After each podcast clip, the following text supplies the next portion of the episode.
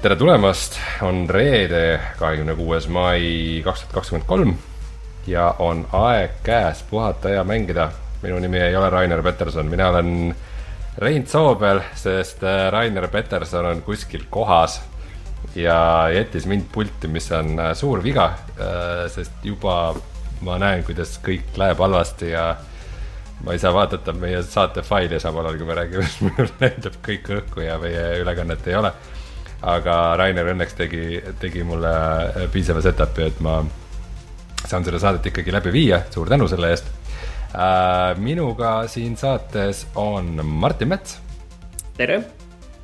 ja kuna ikka veel käib Eesti mängude kuu, meie neljas Eesti mängude kuu, siis on meil külas Leene Künnap, tere Leene.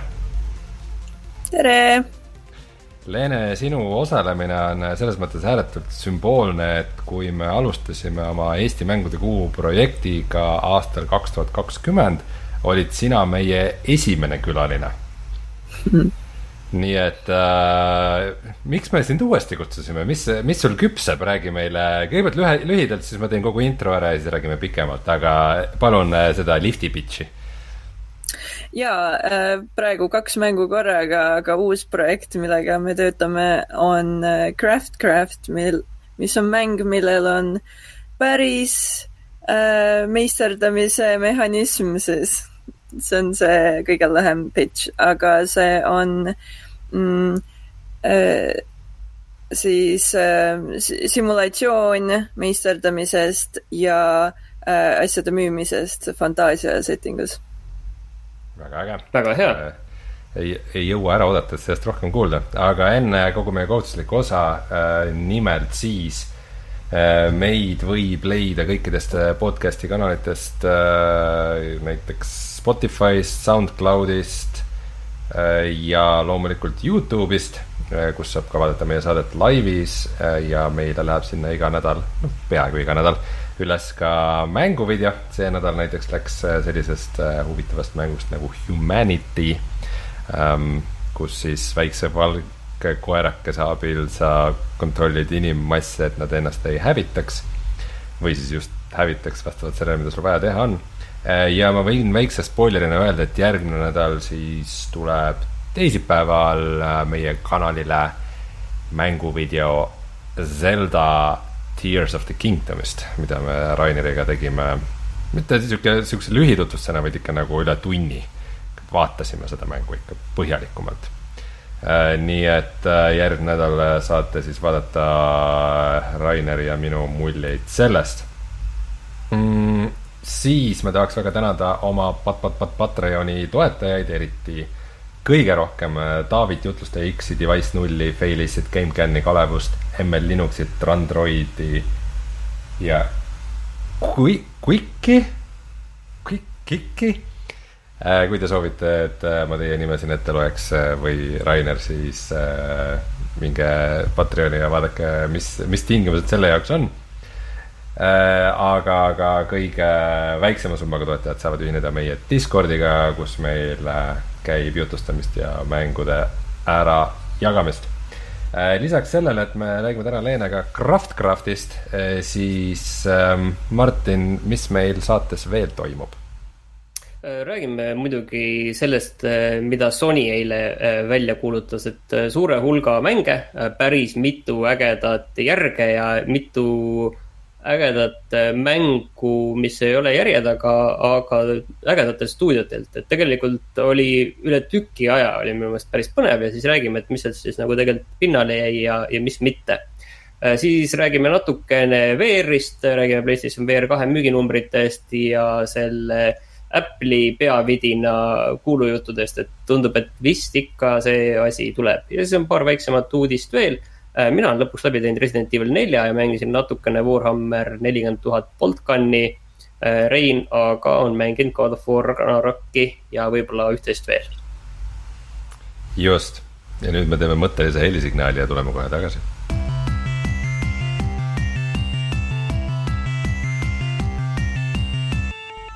nii, Leene, äh, kas, kas äh, Placeholder Gameworks on esimene Eesti firma ajaloos, mis teeb kahte mängu korraga võimalik äh,. päris paljud inimesed arvavad, et see ei ole hea mõte.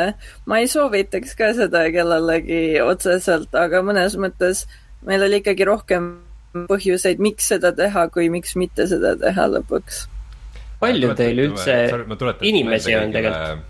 Seda, et äh, PlayStation Gameworks siis tegi enne Death and Taxes, surm ja maksud oli see teie, see teie väga õnnestunud ja edukas äh, mäng ja vahepeal te ei ole teisi mänge teinud, on ju? ei ole jaa, et meil oli äh, väike puhkus peale seda Death and Taxesit ja siis me alustasime Broken Alliance'i tegemist ja nüüd lisasime Craftcrafti juurde, et Death and Taxis oli tehtud kaheksa inimesega, suurem osa ei olnud täistööajaga. ja nüüd äh, on meie tiim kasvanud just hiljuti kahekümne inimeseni. Äh, ja pooled teevad ühte mängu, ma ütleks, ja pooled teist ja osad inimesed teevad, tegelevad mõlema mänguga samal ajal, aga suurem osa teevad ainult ühte ma vaatasin, et äh, see Broken Alliance peaks välja tulema äh, Steam'i järgi kahekümnendal veebruaril järgmisel aastal ja Craftcraft äh, Fantasy Merchant Simulator, et seal on ka veel lisapealkiri, et see peaks tulema praegu ka järgmine aasta tegelikult välja. ja kui asjad lähevad hästi, siis mõlemad mängud peaksid järgmisel aastal välja tulema, aga see on ainult siis, kui asjad hästi lähevad. kuupäevad ei ole kivisse raiutud, on ju jaa, alati võib muutuda asi tegelikult mm. -hmm. Äh, meil käis siis Broken Alliance'ist rääkimas äh, Ott Madis, sa osalid äh, kas siis eelmine või üle-eelmine aasta äh, ja äh, nagu me aru saame, siis ta on siis põhimõtteliselt äh, kogu Ida-Euroopa lemmikmängu Heroes of Might and Magic kolme äh, selline mm, taas, taasavastamine äh, ja sina töötad sellega ka, et nagu, et, et ei ole nii, et Craftcraft on, on sinu mäng ja, ja Broken Alliance on Oti mäng, et kuidas, kuidas see käib teil? jaa, ei, see ongi väga huvitav, meil on tegelikult on niimoodi, et äh, Ott on äh, Broken Alliance'i creative lead ja mina olen ähm, Craftcrafti creative lead aga ma tegelen äh, siis kunstijuhi äh, osaga, tegelen ikkagi äh, Broken Alliance'il ka. Ja eks mul on ka oma ma, sõna sees asjades, aga pigem on niimoodi, et üks on ühe inimese beebi ja teine on teise inimese beebi ja me mõlemad koos kasvatame neid projekte nii-öelda.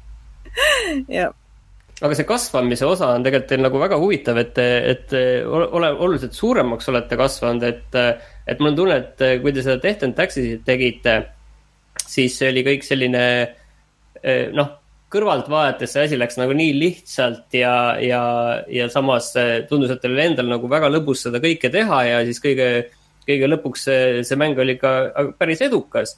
Et aga nüüd, kui te olete nagu ettevõttena kasvanud, et kas nüüd ei ole nagu selliseid muresid, et peab tegelema hästi palju muude asjadega, et tahaks tegeleda selle mängu tegemisega, aga seal kõrval, ma ei tea, noh, raamatupidamist ilmselt te veel ei tee ise, on ju enam, aga, aga ma ei tea, ongi, ma ei tea, tuleb inimesi värvata, nüüd peab selle kahekümnenda inimesega hakkama rääkima, et milline on meie ettevõtte kultuur ja mida me siin teeme ja kuidas. ja siis sa pead kõigiga rääkima, et, et kuidas see pool on? jah, see tööosa, mis me teeme, see on äh, muutunud minu jaoks kindlasti. ma teen, kuna ma teen, mul on väga palju mütse tavaliselt peas korraga, siis äh, osad mütsid on nüüd suuremad ja teised väiksemad äh, samad mütsid on ikkagi, aga äh, kuna me ei ole veel tegelenud nii palju reklaamiga, siis see osa on, äh, reklaami osa, millega ma olen tegelenud, on läinud nüüd rohkem juhtimise alla ja, ja inimestega tegelemise tiimis. ja ma, ma tahan teha ikkagi natuke kunsti ka ise, et hoida, ka teha mingid elemendid ähm, sellest kunstist ise ja ma teen seda siiski, aga, aga osa on nüüd väiksem, et osad tööülesanded on mult nüüd äh, teised inimesed üle võtnud ja mul on jah, rohkem on, rohkem on juhtimist ja hetkel on vähem reklaamimist minu jaoks vähemalt aga samas sa oled praegu tegelikult väga huvitavas kohas, ma saan aru, kus me sind kinni püüdsime, et kas see on seotud ka kuidagi nende mängude reklaamiga või on see hoopis midagi muud? Jaa, praegu ma olen Nordic GameConil, aga see ei ole nagu lõpptarbijatele suunatud üritus, see on pigem äriüritus, aga miks ma siin olen, on see, et et ma sain tasuta siia näitama mängu äh,, nii et me näitame kõige esimest demo Craft Craftist siin ja jagame kleepse ja, ja lihtsalt äh, põhimõtteliselt testime, et kuna see on väga-väga äh, esimene äh, jah, demoversioon sellest, siis, siis veel päris avatud publikule ei annaks, aga arvutimängu äh, teistele tegijatele julgeb kätte anda juba, et nad saavad aru paremini, et kui asjad on üsna katki ja, ja et nad näevad sellest läbi paremini, mulle tundub. nii et aga, julgeb teha seda. aga äkki ongi hea moment rääkida siis pikemalt veidikene Craft Craftist, et ähm, millega tegu, mis mänge ta võiks meenutada ja nii edasi. ja see on siis ähm, idee tuli sellest, et ähm, mulle väga meeldib crafting ja, ja igasugune meisterdamine mängudes, aga ma alati avastasin, et, et see on kuidagi igav, et inimestel on alati aegade, aegade algusest meeldinud tegelikult luua asju ja, ja meisterdada.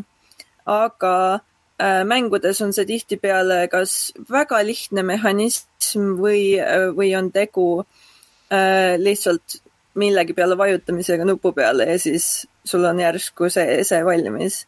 et äh, tahaks rohkem loomingulisust panna sinna mängu ja teha, teha siis selline mäng, kus päriselt saab seda teha. meil on kõige sarnasemad mängud, ma ütleks, on ähm, äh, Potion Craft, mis on välja tulnud siis ähm, äh, hiljuti, millel läks väga hästi äh,, Potionomics või äh, Straight, Strange Horticultures on uh, väga hea mäng, mis on väga sarnane selle loopõhisuse osas.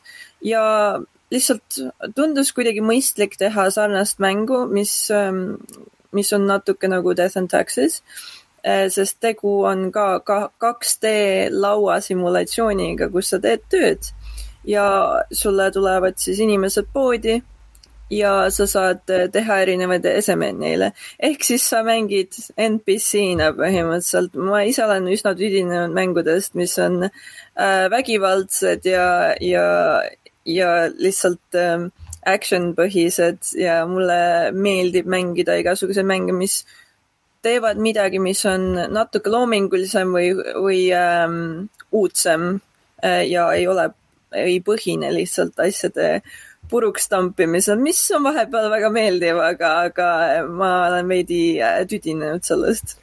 aga mis siis selle. Äh, päris, sorry, Martin äh, ma saan aru, et päris suur osa on ka siis dialoogidel, mida sa teiste tegelastega, kes ei ole siis ainult inimesed, vaid ka loomad.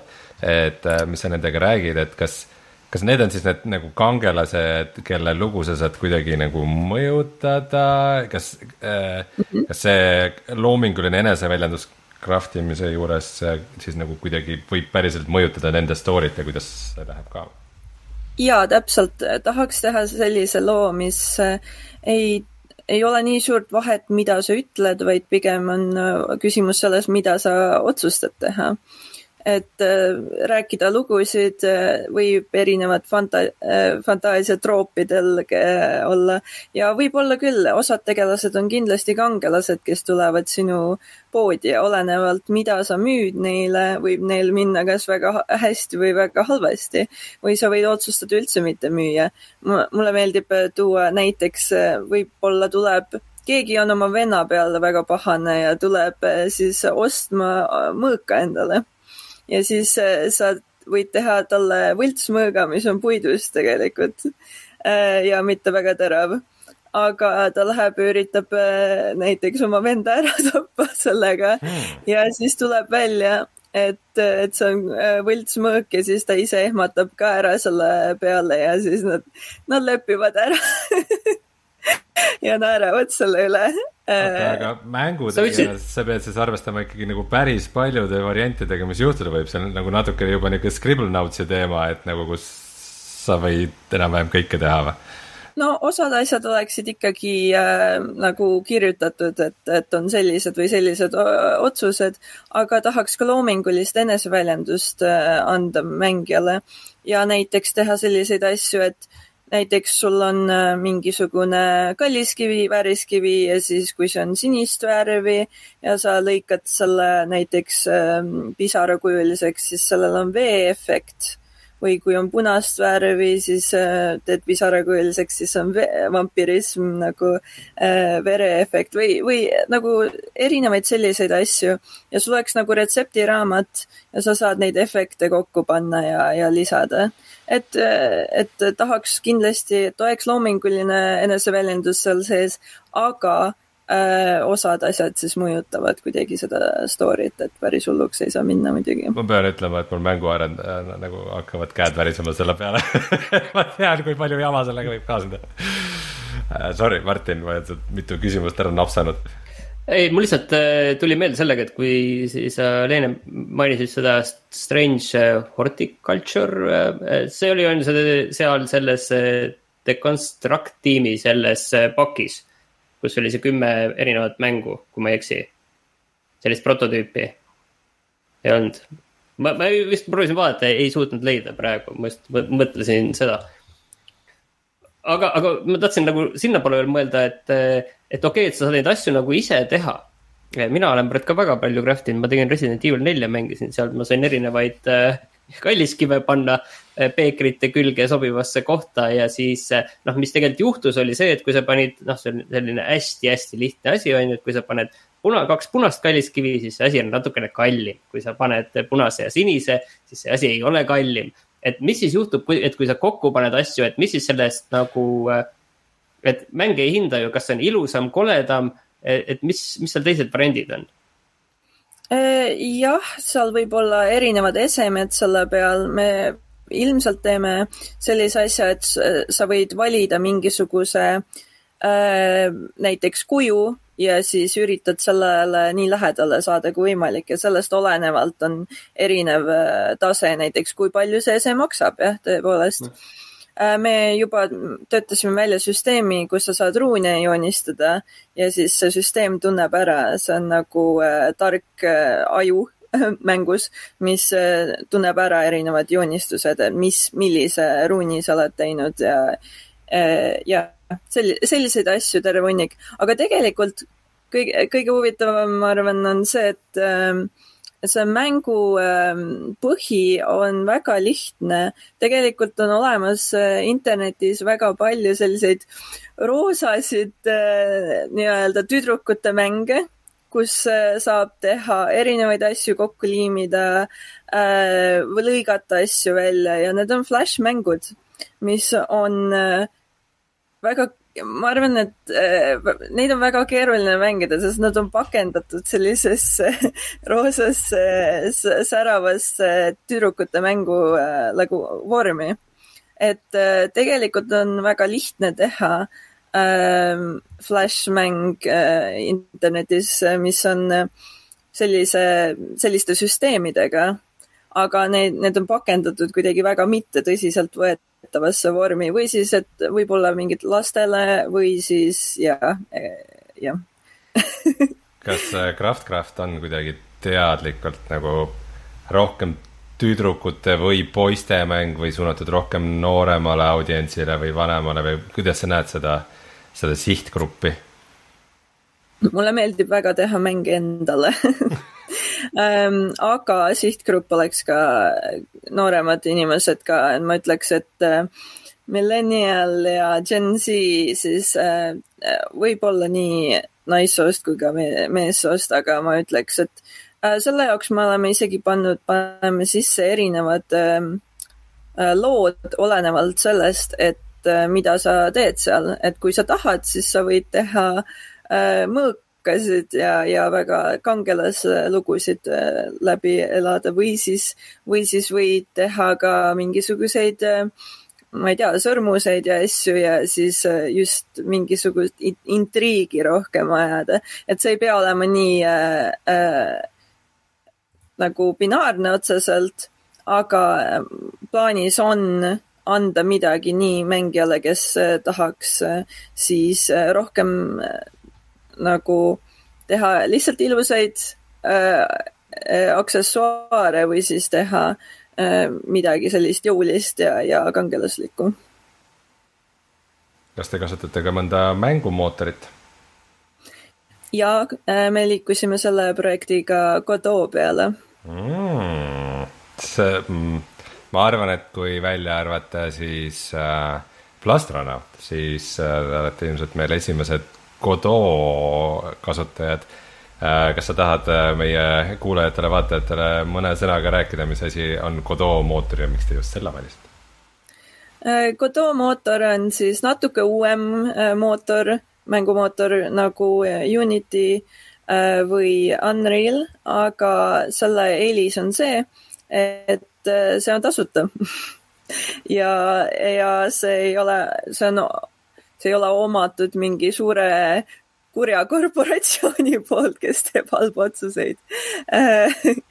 ja meil, kuna äh, inimesed on veidi tüdinenud igasugustest bugidest, mis Unity kasutamisel on ja üldiselt äh, meil oli väga lihtne leida tegelikult, kuna äh, Godot'l on väga palju nii-öelda fännboisid Äh, väga palju äh, siis programmeerijaid, kes väga kirglikult kasutavad, äh, õpivad ja kasutavad Godot ja ei ole nii palju mängufirmasid, kes tegelikult teeks sellega midagi, siis meil oli ülimalt lihtne leida väga häid programmeerijaid, kaks tükki, kes, kes nüüd programmeerivad seda mängu. seal on muidugi selle selle puhul, et, et miski muidugi tasuta, seal on need ohud jah, et kui mingi jama on, et siis, siis teistpidi on jälle keeruline seda lahendada, aga, aga jah, et praegu mulle, mulle tundub endal ka kogu see Godot maailm väga sümpaatne. see on ikka, ütleme veel aasta tagasi tundus see sihuke väga, väga nišivärk, aga nüüd kuidagi järjest rohkem tundub selline nagu legit valik või eriti siin seoses sellega, et Unitil on ainult mingisugused halvad uudised, siis äh, ma arvan, et ega hetkel tundub, et nagu väga kaugel ei ole see, kus Godot võib ikka päris äh, arvestatavaks suureks asjaks paisuda. jaa, absoluutselt. Äh, jaa, aga Plastronaut oligi, kuna neil on, nemad on isegi äh, Godot kodulehel on video, et oo, näe, see mäng on ka tehtud, et tegelikult üllatavalt vähe mänge on tehtud suuremaid Godot peal ja, ja, ja see on juba äh, nad juba mainivad seda ka, et astronaut on, see on, minu meelest on üks järjekordne põhjus, miks teha midagi selle peal, on see, et võib-olla saaks nendega koostööd teha. me äh, tegime natuke koostööd Artisiga ja andsime neile ka intervjuusid ja, ja see on äh, info oli üleval, nad jagasid meie mängu siis, kui me töötasime, me endiselt töötame Artisiga ka äh,. kõik kolm mängu siis on nüüd Artisi peal tuletame meelde, mis on Artisi Artisi draft on äh, äh, mittelineaarse äh, äh, story siis äh, äh, programm, kus saab äh, ehitada süsteeme ülesse äh,. siis kui tahad teha mingit keerukat mängu, näiteks ähm, näiteks Disco Elysium on tehtud ka Artisi draftiga ja kuna meil on tiimis inimesed, kes on sellega töötanud ka enne, siis äh, ka disko peal, siis, äh, siis me valisime selle ja nüüd me oleme jäänud sellega, sellepärast et see on päris hea. Doomkeeper äh, on vist kõige tuntum Godot mäng enam-vähem vist, kui ma ei eksi, mis on vist Godot'ga tehtud. aga ma tahtsin küsida ühte. mulle kui Martinile väga meeldis. jah, kuni me ära tüdinesime, tüdinesime, aga. eelmine nädal viimati ma tahtsin küsida selle kohta, ma vaatasin, et teil on äh, levitaja, kes on äh, Hiinast, et, et mis, miks ja, ja mida tema teeb? ta on kõigil kolmel mängul tehtud Taxisel ka nüüd, minu meelest kolm aastat tagasi vist ei olnud ei, nüüd me lisasime, sellel aastal tuli mäng ka välja Hiina turgudel, kuna Hiina turud tegelikult on eraldi. Neil on oma kinnine turg, siis kuna see on väga suur turg tegelikult, siis me otsustasime Death and Taxes'i lasta seal ka välja, mis on selles mõttes, et me ikkagi omame, me oleme ikkagi self-published ülejäänud maailmas. aga jah, ühesõnaga see, see aitab meil sinna kinnisele turule siseneda ja nad aitasid meid äh, lokalisatsiooniga, mis kõik tegelikult aitas päris palju, sellepärast et mulle tundub, et Steamil on need numbrid, kui palju sa müüd, ähm, on äh, üle maailma ja, ja erinevates äh, kohtades ka, nii et me saime päris palju visibility't saime läbi selle et Hiinas sai müüdud, mis tõi tegelikult uue, uue hoo sisse ka müükidele teistes, teistes kohtades, sellepärast et me läksime mingilt, mingist numbrist üle ja saime jälle esilehele Steamis ka mängu panna ja nii edasi, mis, mis kõik aitab ja, ja jah. põhimõtteliselt kokku mhm. hiin-, hiinlastele meeldib Death and Taxes? tundub, et neile väga meeldib mis on väga huvitav, on see, et väga paljud inimesed äh, enne ütlesid, et, et äh, see väga keeruline on saada Hiina turule, sest äh, nad ei luba midagi läbi, et, et teil on ju äh, need ähm, äh, luukered ja pealuud ja asjad ja on nagu räägitud, et seda ei lasta läbi või midagi, aga meil ei olnud mingit probleemi üldse nagu sellega. võib-olla et, teistele ka huvitav info, et kui keeruline või lihtne on seda partnerit eh, leida Hiinas, seda Hiina levitajat näiteks, et kui keeruline seda on leida? no meie leidsime niimoodi, et Ott elas eh, natuke aega Koreas ja käis seal üritustel, nii et eh, selle kaudu sai tutvusi. okei okay,, seda on natuke raskem järele teha, jah no me olles käinud mänguüritustel see, et äh, Äh, see, et sealt tuli mingisugune resultatiivne nagu äriline koostöö ei ole nii sage, kui võiks arvata nii et selles mõttes ikkagi hea töö. aga kas see, et ikkagi kahte mängu teete nagu paralleelselt, et äh, kas, äh, kas seal on nagu mingi sihuke nagu tootmisloogika nii-öelda nagu, et suurtel firmadel on see, et ja, et meie kunstnikud nüüd selle projektiga ei tegele, neil on nüüd uut projekti vaja, aga arendajad tegelevad pigem sellega. või see on lihtsalt selline täiesti vastukarva asi, et te lihtsalt otsustate, me tahame kahte mängu teha ja vahet pole noh, kõige suurem otsus oligi, et me tahame kahte mängu teha, aga tegelikult see töötab päris hästi, sellepärast et mida suurem on sinu tiim, kes töötab ühe projekti kallal, seda aeglasem su tiim on. seda rohkem inimesi peavad tegema koosolekuid, äh, seda, seda kauem asi võtab äh, kuna meie suudame üleval pidada siis kahtekümmend inimest korraga, äh, siis ähm, kui me teeksime ühte mängu kahekümne inimesega, ütleme, et sa teed mängu kümne inimesega ja siis sa lisad sinna kümme inimest, see ei tähenda, et see on kaks korda kiirem või see ei tähenda, et see mäng on nüüd kaks korda suurem.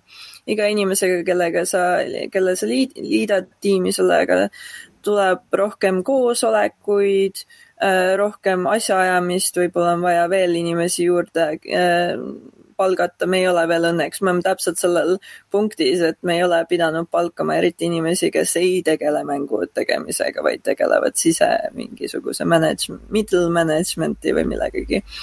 Aga mulle tundub, et hoida seda kahe, kahe tiimina ja kuna Broken Alliance on väga suur projekt ja me oleme, teeme seda väga pikalt, siis see ka on veninud selles mõttes, et ähm, see, see on see kiirus, millal me saame seda praegu teha sellise väikese tiimiga, aga see ei muutuks väga-väga palju kiiremaks, kui me kogu oma jõu paneksime ainult selle mängu peale. nii et tundub, et see töötab praegu üsna hästi, kui meil on kaks mängu. kuni ühel hetkel on kriis ja siis kõik ühe tiimi töötajad lähevad nagu teise peale. ja siis see kestab veidi kauem, kui võiks arvata nagu kõik need lood, mida me oleme kuulnud. ja eks näis, kuidas see kõik äh, lõpeb äh, muidugi, et äh, jah, enne mainisid ka seda, et Taxisil kuidagi laabus kõik väga kiiresti, oli väga lihtne ja asjad nagu tulid kätte veidi lihtsamalt, et kuna nüüd on suurem tiim, siis on küll rohkem seda asjade veerema lükkamist. Aga nüüd selles mõttes, et asjad veerevad hästi hetkel, mis on, mis on tore. meil oli mingitel hetkedel oli probleeme, kus asjad liikusid liiga aeglaselt ja me õppisime sellest äh, veidi.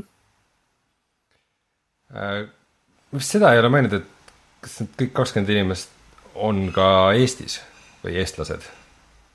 ei ole, meil on inimesi üle maailma aga Eestis on mõned.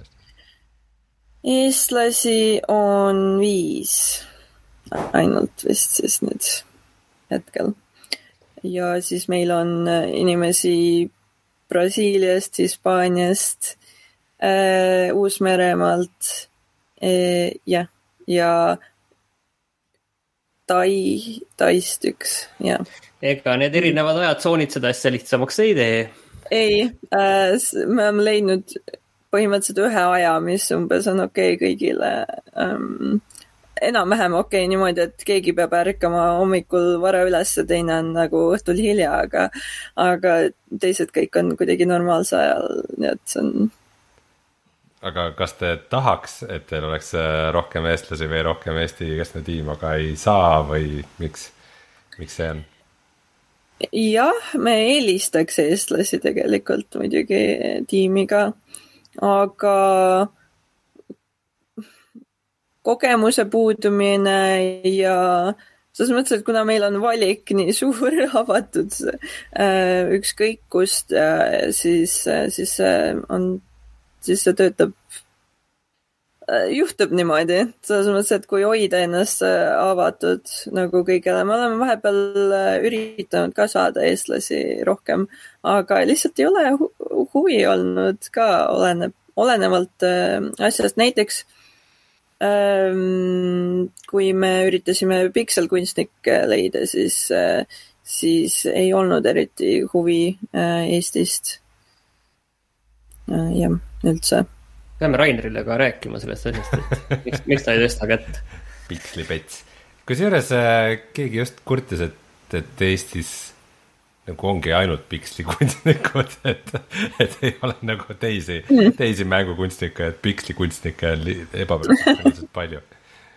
või et õpetatakse ebaproportsionaalselt palju äh,. aga kuidas sa näed, et kuhu suunas nagu Eesti mängutööstus läheb, et nüüd võrreldes kolme aasta taguse või vabandust, nelja aasta taguse ajaga, kui me, kui me viimati sinuga rääkisime või, või mis siin lähitulevikus toimub, et näed sa, et asjad liiguvad paremuse suunas? no kui ma olen käinud mingitel üritustel, siis ma Eestis, siis ma näen tihtipeale peale samu inimesi nendes ka, on uusi inimesi, mul on hea meel, et äh, õpetatakse ka äh, inimesi äh, ähm, rohkem päriselt mänguteemaliselt.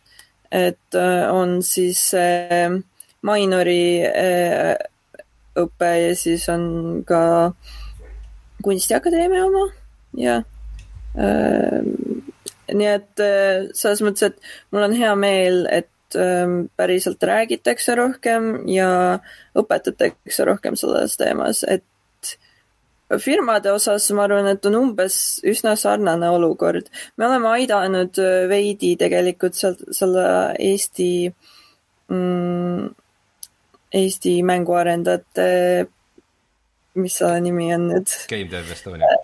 jaa, Game Dev Estoniat äh, veidi äh, kaasa ka ja see on palju aktiivsem olnud, teinud üritusi Äh, mis on väga, väga vahva, et äh, see, see on rohkem oma pead tõstnud.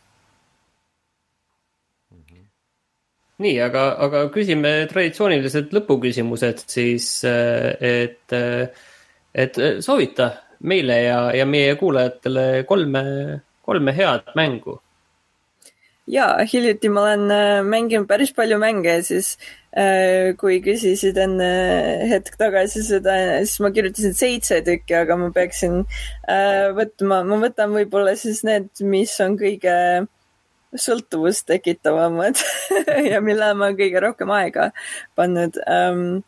et äh, huvitav, tavaliselt ma ei mängi äh, telefonimänge, aga, aga nüüd ma mängin kahte mängu telefoni peal, mis äh, mis aitab kaasa selle sõltuvust tekitava osale tõenäoliselt. üks neist on siis äh, Wingspan, mis on see äh, la lauamäng tegelikult äh,. tiiva ulatus või mis iganes, ma ei tea, eesti keeles peaks ka olema see lauamäng olemas. ehk siis see on selline äh, päris armas mäng, kus sa kogud äh, äh, siis erinevaid linde oma, oma alasse ja siis sa saad seda online'is mängida teiste inimestega koos eh,. Äh, huvitav osa on see selle juures, et see strateegia on nii sügav ja ma olen proovinud natuke mingitest võistlustest ka osa võtta. et see strateegia on ülimalt äh, sügav ja, ja see võib olla väga stressirohke, aga see väga nummi muusika ja, ja nummid linnud ja linnulaul ja, ja ilus äh, kunst ja see kõik rahustab maha et see on suutnud väga, kuigi see näeb välja väga äh, armas ja, ja rahulik, siis äh, see mäng võib olla üsna, üsna stressirohke, mida maandab siis jah, välimus sellel. Wingspan, Kaubert chatis ütleb, et see on Steamis ka olemas.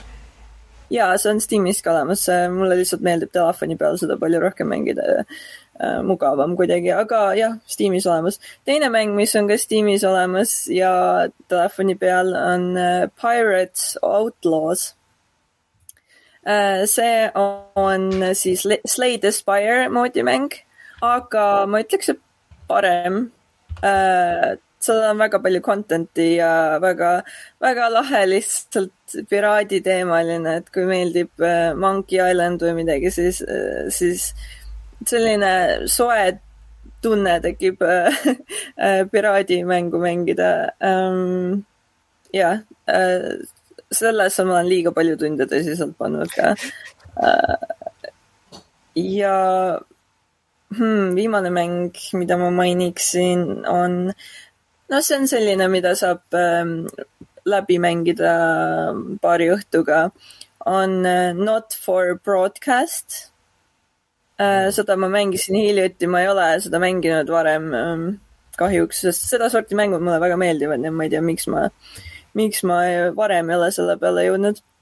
aga see on väga naljakas, sest see on selline Briti televisiooni äh, nagu fake Briti televisioon äh, ja sina oled siis montaažiruumis ja pead äh, lõikama laivis äh, seda videot ja kaameraid vahetama ja tsense-, tsenseerima inimesi ja kõik, ühesõnaga see on, see on äh, selline jälle, jälle töösimulaator, mulle väga meeldivad need, aga see on väga naljakas ja see on kõik ja muutub päris tõsiseks ka see ütleb päris palju ja, ja, ja väga tõsised teemad ja rasked teemad tulevad välja, aga samas sellise huumoriga, mis mulle meeldib kõige rohkem vist mängudes, kui, kui nad suudavad sind mõtlema panna, aga samas lõbustavad samal ajal ja, ja see on nagu parim lihtsalt Super. mul on see, mul on see ka olemas, aga ma ei ole selle mängimiseni jõudnud, aga seal on veel äge vist see, et need on tegelikult ju kõik on üles filmitud päriselt ka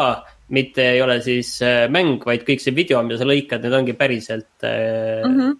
päriselt filmitud. ja päriselt laivis. päris näitlejad äh,. päriselt laivis ja täpselt iga kord mängivad läbi, kui keegi tahab mängida see oleks äh, huvitav teenusmäng sellest tuli meelde tegelikult, ma just käisin Berliinis ka, kus näidati siis Amaze üritusel väga uudseid mänge ja nüüd on uus žanr, kus päriselt näitlejad mängivad VR-is sinuga kaasa, nii et sa lähed mängu, sa, sa pead broneerima omale aja, see on nagu näit- ja siis sa lähed sinna mm, või noh, sa oled oma kodus VR-is ja, ja nemad näitlevad sinuga kaasa, nii et sa võid teha ükskõik mida põhimõtteliselt seal ja siis nad lähevad kaasa sellega äh, selliseid live performance äh, ma igast VR-üritustel olen, olen päris palju kogenud ja väga, väga sürreaalne mm., umbes, et sa oled mingis mingis rongis ja siis osad äh, inimesed rongis, sa näed nagu mingit lugu ja siis osad inimesed rongis nagu on ka vaatajad ja osad on tegelikult näitlejad ja siis vahepeal keegi umbes katsub sind samal ajal kui nagu VR-id samal hetkel väga sürra asja saab sellega teha äh,. muide, Not for Broadcastil äh, tuli ka VR-versioon, mida isegi päris kiidetakse.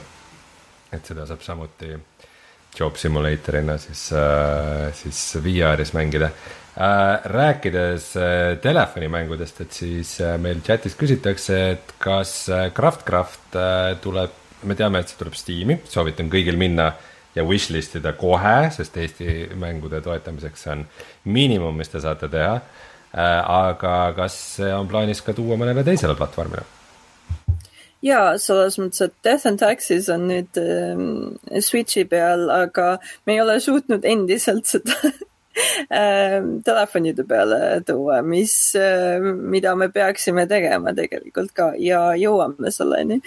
aga see kõik on aega võtnud, nii et me ilmselt teeme seda ka järgmiste projektidega, aga jah, see võtab aega, ühesõnaga kõigepealt tuleb PC peal välja ja siis Switchi ja siis võib-olla kui läheb hästi, siis kuna väga varsti tuleb Death and Taxes ka Playstationi ja Xbox'i peal välja ka, siis, siis jah, kolm aastat hiljem, nii et äh, ma ei saa veel lubada midagi isegi kiiresti, ma ütleks selle peale.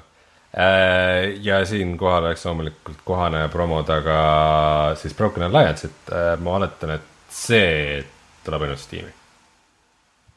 jah uh,, Broken Alliance siis, kui teile meeldib Heroes of Might and Magic ja strateegiamängud, siis uh, soovitan ja jah, tänan kõigile, kes wishlist ivad, sellepärast et see on kuld um,.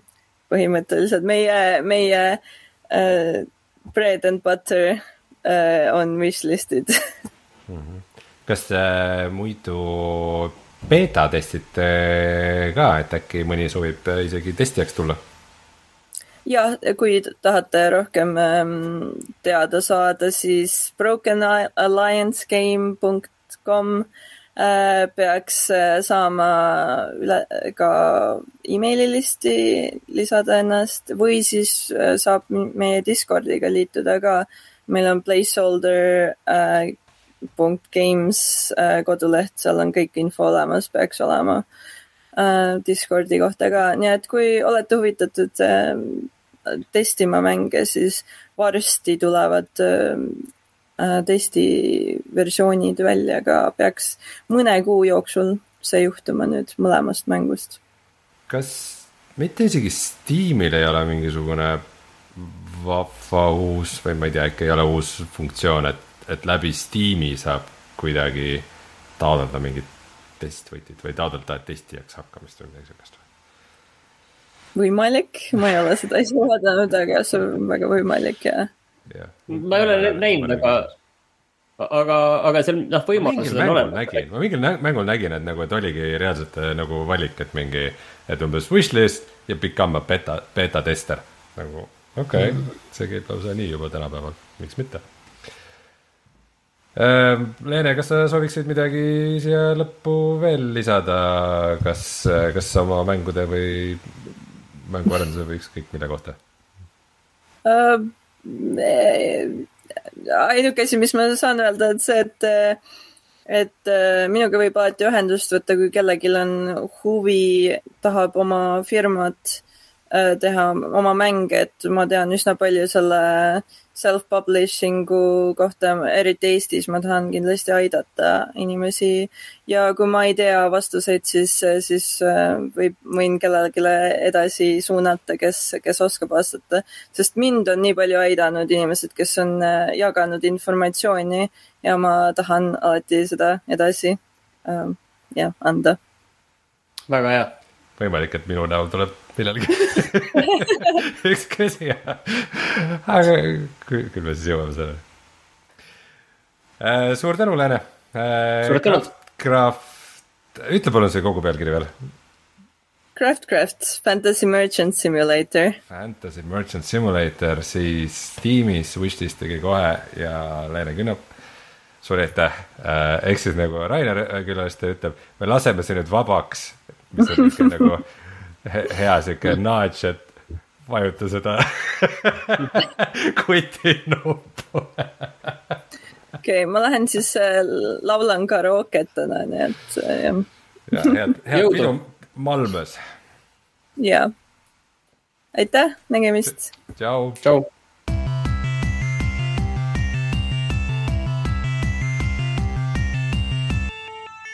uudised. Nii äh,, Sony kuulutas nüüd kolmapäeva hilisõhtul välja väga suure portsu asju äh,. ma mõtlen, et ma ei teagi nüüd, kuskohast siin alustada, aga võib-olla võtaks selle ühe asja kohe laua pealt äh, maha, et Sony kuulutas välja enda pihukonsooli, taskukonsooli no,. sina äh, Playstation Vita number üks fänn, mis tundeid see sinust tekitab? no tegelikult äh, see ei ole siis tegelikult taskukonsool, et tegemist ei ole eraldiseisva seadmega. seda selles mõttes, et see kuulutati välja tegelikult nagu sellise prototüüpprojektina pigem. Äh, Project Q on lihtsalt nimi, sellel ei ole tegelikult päris nime, hinda, väljatuleku kuupäeva, mitte midagi ei ole. see on sisuliselt natuke nagu see Wii U-l oli see gamepad, mida sa saidki kasutada ainult Wii U-ga. Aga see on selline suur kaheksatolline ekraan, näeb välja sisuliselt nagu Switch, mille külgedel on siis Playstation viie pult, mis on pooleks murtud, üks pool pulti ühel pool ekraani, teisel pool, teine pult teisel pool ekraani. ja mis sa saad teha sellega on see, et sa saad enda koduvõrgus äh, striimida mm, PlayStation viie mänge sellele ekraanile, et tegemist on tegelikult sellise jah, PlayStation viie lisaseadmega et niikaua, kui see on selline asi, siis ma ütleks otse, et äh, ma, ma ei tea veel siin noh, mingi kasutus nagu oleks. aga hind on tegelikult nagu üsna oluline, et palju see asi maksma hakkab. kui see on, ütleme üle kahesaja euro, siis ma ikkagi oleksin väga kahtlev.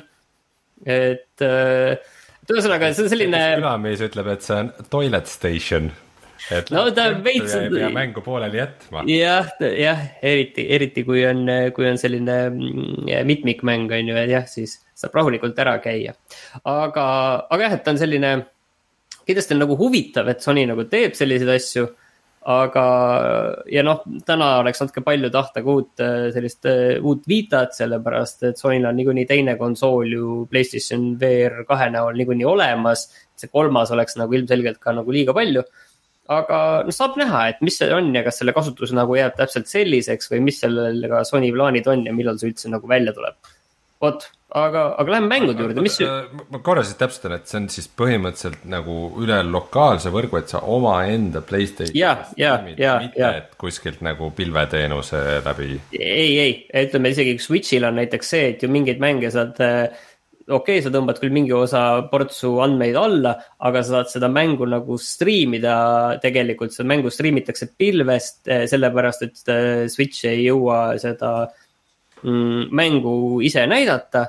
siis ei, praeguse seisuga ei, ei ole sellist funktsionaalsust vähemalt nii palju, kui mina aru sain et, eh, et jah, et ta on selline, et ka seda, et oh, ma lähen tööle ja võtan tööle selle kaasa ja siis ma ei tea striimin, ta on ikka jah, lokaalse masina striimimiseks.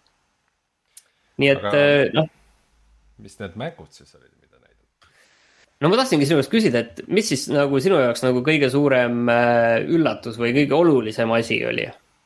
no mina läksin väga konkreetse agendaga seal, uurisin põhimõtteliselt ainult neid äh, VR-mänge, et see huvitas mind kõige rohkem, et kas minu PSVR kaks nagu saab kasutust või mitte ma saan aru, et äh, kõige rohkem kellati seal ikkagi äh, Spider-man'i ja siis nende kolme erinevat looter shooter'it no ei, mina ütleksin tegelikult, et Alan Wake kaks ja Metal Gear Solid Delta Snake Eater. kuigi ma ei ole aru saanud, kas see Delta, ei vist oli ikkagi jah, ametlik nimi, see Delta et äh, ma alustan sellest viimasest, et see Metal Gear Solid kolm on siis äh, tegelikult kogu selle sarja esimene osa, mida nüüd äh, Konami, millest tuleb nagu täiesti nagu uus versioon. oot, oot, oot, oot, kolm on kõige esimene osa, mida?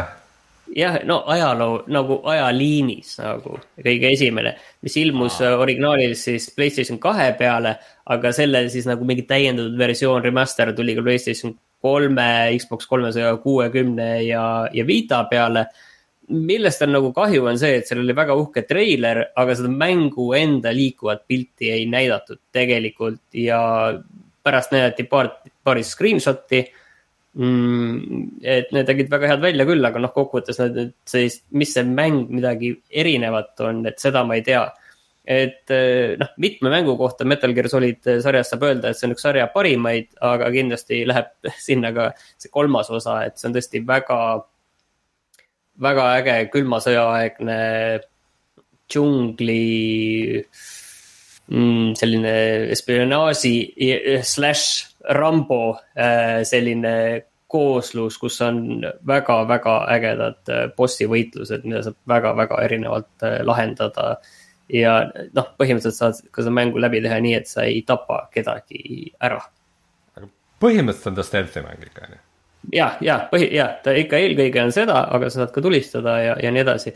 et äh, väga legendaarne mäng, iseenesest väga äge, et see nii, nii põhjalikult nagu uueks tehakse äh,. siis on Alan Wake kaks, mida hästi palju äh, mm, on äh, noh, juba teada, et sisuliselt, et see kuskil on nagu töös äh,. Nüüd siis kuulutati välja, et see tuleb ka siis, äh, ta oli, praegu ei leia, aga ilmselt oli oktoobris tuleb juba välja Äh, mõlemad mängud tulevad tegelikult ka välja Xbox'ile. et äh, siin. Äh,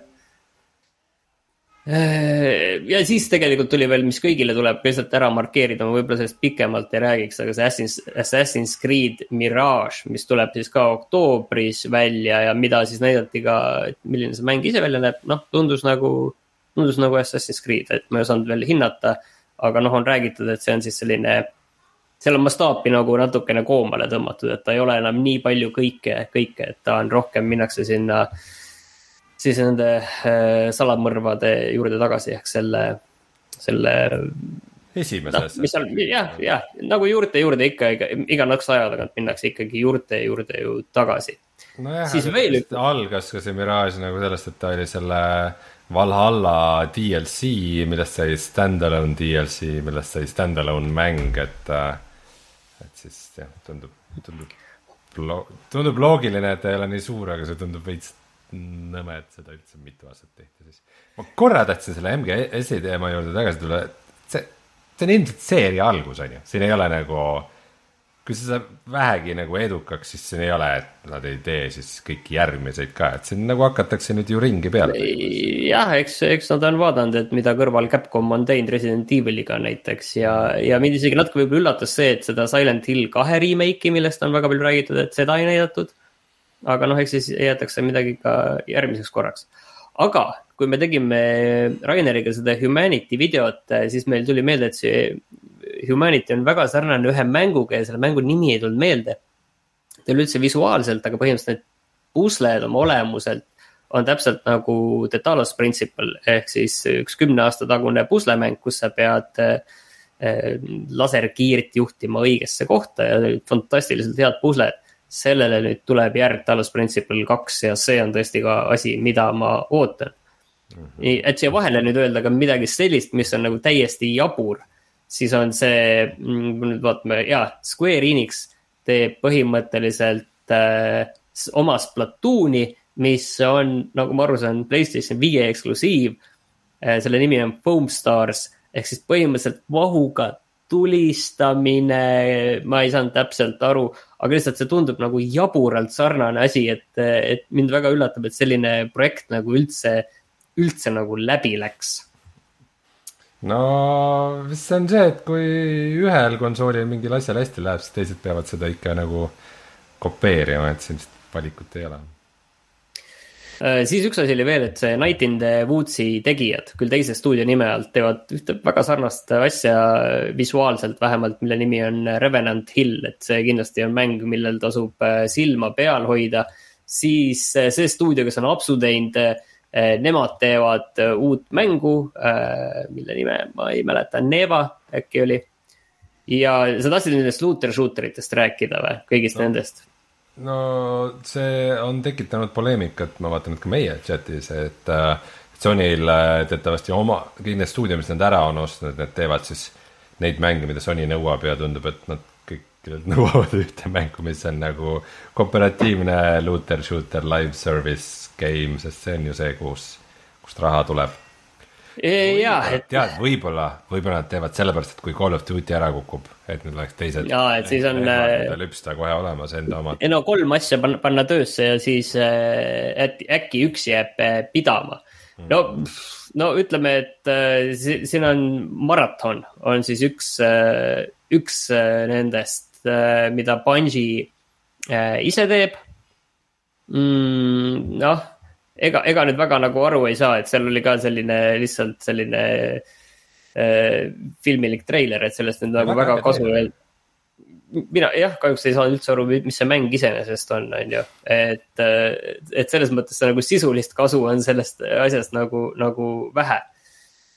Et on samamoodi, ma saan aru, PvP extraction äh, shooter ehk siis põhimõtteliselt nagu see Hunt Eh, sisuliselt midagi nagu sarnast, aga noh, mhm. eks seal igalühel on mingi väike, mingi oma selline nõks eh, seal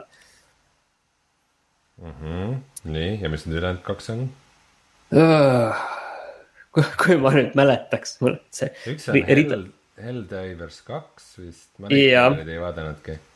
Üks on Fair Games, mis vist oli mingisugune competitive heist'i teema, et nagu näha, et me väga palju ei viitsi neist rääkida. jah, ma ütlen ise. kaks kuulutati välja või? jah, see, see. oli täiesti et... märkamatuks, ma mängisin Ghost Runnerit mingi vahe küll, ta ei olnud minu meelest väga hea, jäi mul pooleli, aga sihuke tore, et siukseid mänge ka tehakse jah, et äh, ma ütlen ka, et ma nendest äh, kõigist nendest looter shooter itest äh, peale selle maratoni ma, ma suhteliselt nagu libisesin üle, noh, seda EA, seda äh, Äh, maagilist shooterit Immortals of Aveum, seda näidati ka, aga mis tuleb juba juulis välja ja millest me võtsime üks saade natuke aega tagasi, et räägime, aga siis kraapisime selle äh, dokumendist maha, et, et ma, võib-olla see ei olnud üldse viga, et ma ei tea. äh, ühe apsaka sa vist tegid, et see Neva on hoopis Krisi tegijate mäng ja Apsu, Apsu tegijate uue mängu nimi on Sword of the Sea. õige Äh, õige, nemad teevad äh, ka ühte seda, need Krisi tegijad teevad ka mängu, mis nägi äärmiselt äge välja, mis on võib-olla kõige ägedam on see, et just, et neid indie asju, kes on midagi ägedat teinud, et need tulevad tagasi ja teevad veel. Äh, see Sword of the Sea on samamoodi, nagu nimi ütleb, mereteemaline ja, ja minu meelest midagi üsna, üsna sarnast nagu, nagu see Apsu oli selline mm, selline meeleolu simulaator, kus sa saad käia ringi. et selles mõttes see kõik nagu. see ei ole mitte hoopis liiva peal surfimine või? ma vaatasin, et see on vesi. tundub, et see on tegelikult liiv ah.. nii et tegelikult nad on teinud kannapöörde, Martin mm.. siin ei ole midagi merega seotud ma vaatasin, okei okay,, on tõesti nii. ma kujutan ette, et nende seal stuudios oli see, et teeks midagi täiesti teistsugust. sest merest nii kopp ees, teeme nüüd liivamängu. mis sa selle liiva peal teed? surfad ja siis see liiv lainetab ja sillerdab nagu meri. kurat, me teeme jälle meremängu, onju ma vaatan korra üle, et eh, kas me midagi veel unustasime, no Teardown tuleb, eh, tuleb ka nüüd, ma saan aru, eh, uutele konsoolide või konsoolidele chat ütles muidugi midagi, mida mina ei teadnud, et Bungiel oli mäng nimega Maraton juba aastal tuhat üheksasada üheksakümmend neli. ja tegemist on tegelikult eh, legendaarse shooteriga, mina ei ole seda kunagi mänginud eh, tegelikult, aga ma tean jah, et see on tõesti ühe väga vana. ta ei olnud isegi sari, vaid mängu sellise, noh, ma ei tea, kas nad midagi peale nime tegelikult seal kasutavad, seda ma ei oska öelda no muidugi üks ja... asi, mida me ei maininud, mille kohta lihtsalt mina ei oska absoluutselt mitte midagi öelda, on Final Fantasy kuusteist aga ma tahtsin sinu käest küsida seda Arizona Sunshine kahe kohta. no võib-olla nüüd me põikamegi siis sinna VR osasse, et, et mina ja paljud teised, okei okay,, üks asi võib-olla, mida mainida, on Dragon Dogma kaks, mida, mida yeah., mis kooperatiivne keskaine rollimäng, klassika, mis oli sihuke Capcomi mäng, mis läks kuidagi, esimene osa oli väga allpool radarit, aga tegelikult tal ikkagi oli ikka korralik fännibaas ja mulle tundub, et seda teist osa päris oodatakse. ise ei ole mänginud, nii et ei oska väga kommenteerida. aga jah, et äh, mina ja kõik teised äh, Playstation VR-i omanikud, keda tuleb välja, et ei olegi nii vähe. nimelt Sony andis teada, et äh, nad on müünud siis üle kuuesaja tuhande umbes kuussada tuhat äh, Playstation VR kahte. Ja et see on natukene rohkem kui Playstation VR üks samal perioodil, mida peetakse edukaks või isegi väga edukaks peaseadmeks Äh, nii et äh, põhimõtteliselt nende trajektoor on ikkagi nagu äh, selgelt üles ja hea ja see info, mis vahepeal Bloomberg või keegi Forbes umbes kirjutas, kuidas, et et neil on kuskilt mingi leke, et, et see läheb väga halvasti, et see ei vasta tõele, aga ilmselgelt on Playstation VR kahel vähe mänge. Ähm, ja praegu ei ole väga palju põhjust seda välja võtta, siis, siis ähm, ma ütleks, et nagu midagi nagu tuli, aga noh, ei rabanud nüüd jalust ka, et äh, Beat Saber tuli välja niimoodi, et äh, mida muidu ei olnud PlayStation VR kahe peal veel. Et äh, öelda, et nüüd ta on väljas ja oligi, ta oli nagu poes olemas ja PlayStation äh, nelja omanikud kõik saavad kohe otse selle äh, üle tuua ja sama Queen'i muusikapakk kuulutati ka kohe välja, mida pole varem Beat Saberis olnud, mis on mingis mõttes big deal. Ja Resident Evil neli siis nüüd, minu meelest seda pole otseselt välja öeldud enne, et seda siis saab mängida ikkagi üleni, algusest lõpuni VR-is ja seda pisut äh, näidati ka, kuidas sa siis väikest nuga hoides hoiad seda mootorsaagi, mootorsaega tüüpi eemal ähm,. selles mõttes on muidugi naljakas olukord, kuhu me oleme sattunud, kus äh, Playstation VR kahe ütleme, kõige suurem või kõige oodatum mäng sellele tuleb, on Resident Evil neli kui Quest kahe platvormi üks kõige müüdanumaid mänge on Resident Evil nelja VR versioon. mida ma olen päris palju mänginud, nii et äh, kummaline, kuidas üks vana, vana survival horror mäng suudab nagu nii kaua aega hiljem veel ikkagi nii palju laineid põhjustada erinevates meediumites äh,. Vertigo poolt siis jah, Arizona Sunshine kaks äh,, mida sa mainisid, et see iseenesest on nagu minu jaoks huvitav. Arizona Sunshine üks oli üks esimesi nagu niisuguseid korralikke või nagu, nagu mängu moodi VR-mänge, mis ma kunagi mängisin, mängisin ta algusest lõpuni läbi. Äh, põhimõtteliselt on ta zombie shooter, mis toimub Arizonas, kõrbes. aga tollal see nagu tehniliselt oli väga pädev võrreldes kõige muuga, mis, mis sel ajal äh, näha oli ja, ja mm,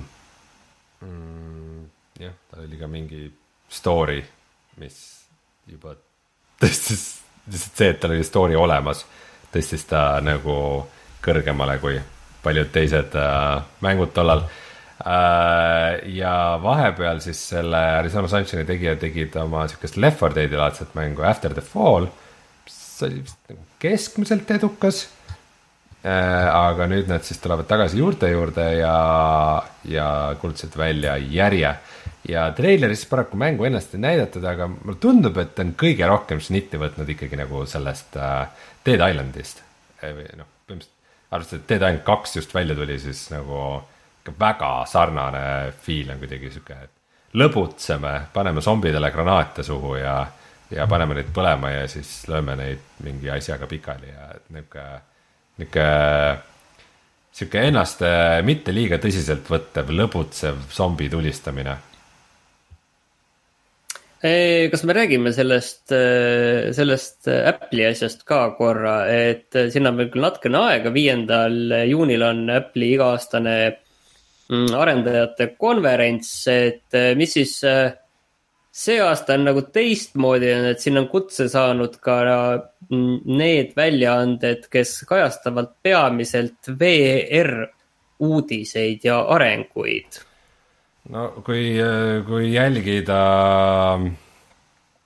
igasuguseid VR-saite, siis neid lekkeid ja asju nagu viimase aasta jooksul on ikka, see on ikka täiesti käest ära läinud, see ei ole enam ammu mingisugune saladus. Et see, et see välja kuulutatakse tõenäoliselt, muidugi. no vot, see on alati see, et alati. viimane ettevõte, võtta juhtme seinast ja näh ei. no vot ei tea, kas nad täna enam teevad nii, aga ütleme niiviisi, et jah, mingi hetkeni on muidugi, et, et on võimalik veel, et pannakse kokku see asi ja nägemist. aga. nüüd siis tuleb jah. kõike teha, nad võivad kogu selle ürituse ära jätta ka ja mitte silma pilgutada ja nagu ega nad vähem rikkaks sellest ei saa. Aga äh, see Apple'i VR peaseadme jutud on käinud väga-väga kaua. ja tundub, et need saavad tõeks, aga. mis see siis on? mis, mis see nagu mängu aspektist tähendab, on nagu sihuke omaette küsimus, et et kindlasti tahaks palju rohkem teha AR peaseadet, aga tehnoloogia lihtsalt ei ole küps selle jaoks, nii et nad peavad tegema esialgu VR peaseadme, kuigi nad ei taha äh,. ilmselt Meta ongi juba aastaid tegelikult salaja äh, Apple'iga võidelnud, sest neil on siseinfot selle kohta, mida Apple teeb ja siis nad üritavad sama asja enne teha. ma arvan, et see eelmise aasta Meta Quest Pro oli nagu otsene konkurent sellele äh, Apple'i peaseadmele, mis välja peaks tulema ja mida me lekkete põhjal teame, on see, et see saab ilmselt maksma umbes kolm tuhat dollarit. nii et äh, see ei ole sihuke nagu noh, Switch'i konkurent või midagi sellist kindlasti.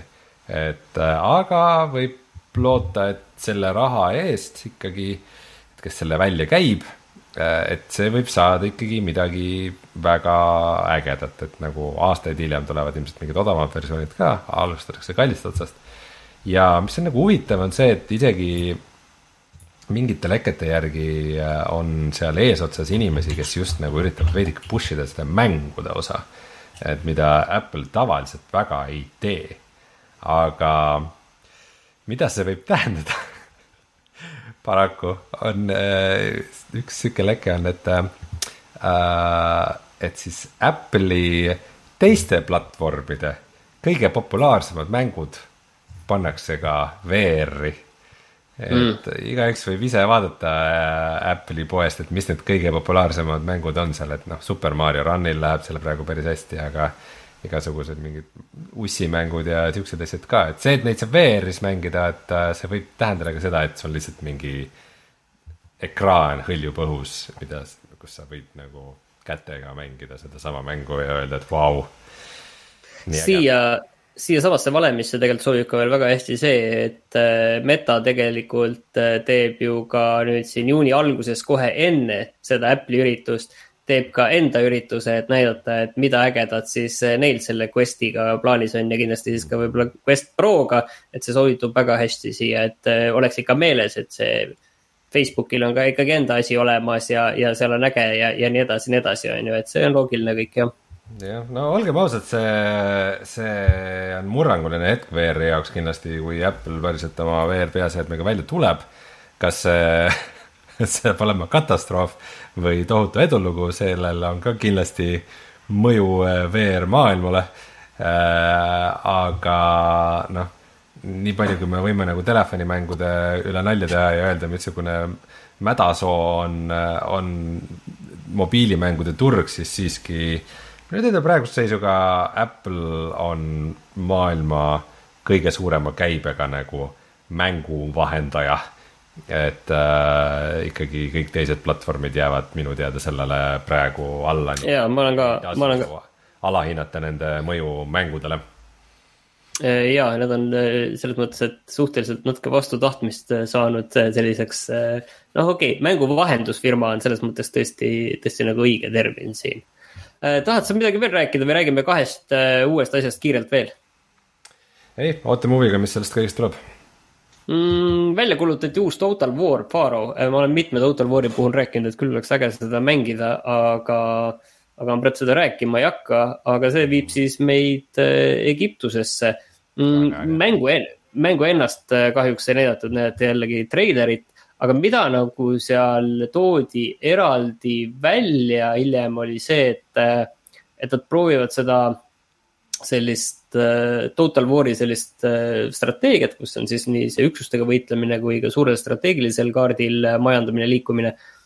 proovivad seda teha nagu hästi palju erinevatel tasemetel mängitavaks, et see oleks nagu võimalik sinna ka tegelikult sisse minna. mis on natukene võib-olla olnud varem võib-olla keerulisem aga nüüd saad, et noh, ja ilma, et siis noh, nagu ikka see jutt peab ka sinna juurde käima, et ilma, et ohverdaks seda, et kes nüüd, kelle jaoks see on siis sarja kümnes mäng, mida ta mängib, et, et tema ei tunneks siis nagu, et seal on nii, asi on kuidagi ära streamline itud, vaid pigem see, et neil oleks nagu võimalik, võimalik lihtsalt sisse minna.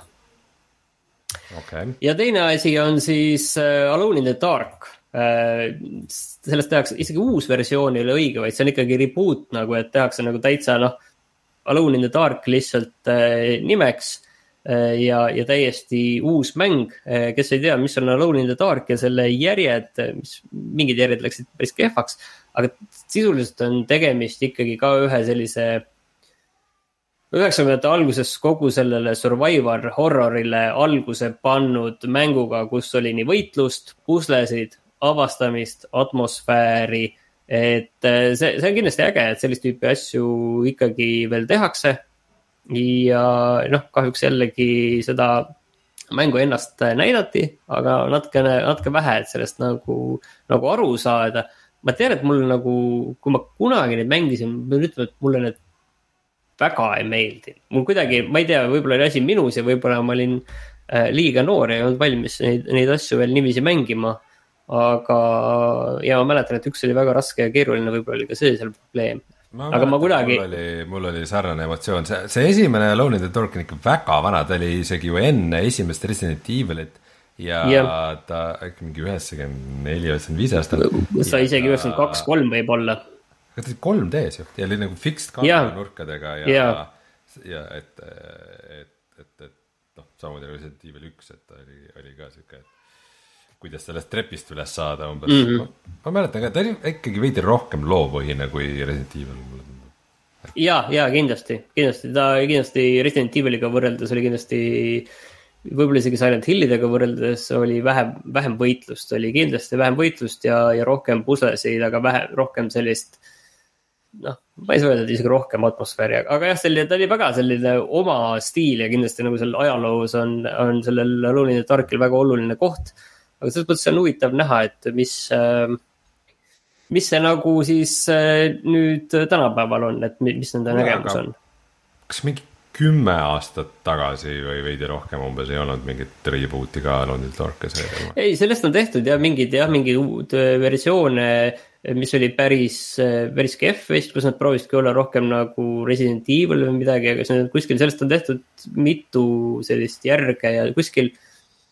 jah, kümme või isegi nõksa rohkem, pigem seal Xbox kolmesaja kuuekümne, Playstation kolme eluea keskel isegi, kaks tuhat kaheksa, kaks tuhat üheksa pakuks, et kuskil seal oli täiesti mälu pealt. et aga see oli suhteliselt mälu järgi nagu läbi kukkunud äh, katsetus.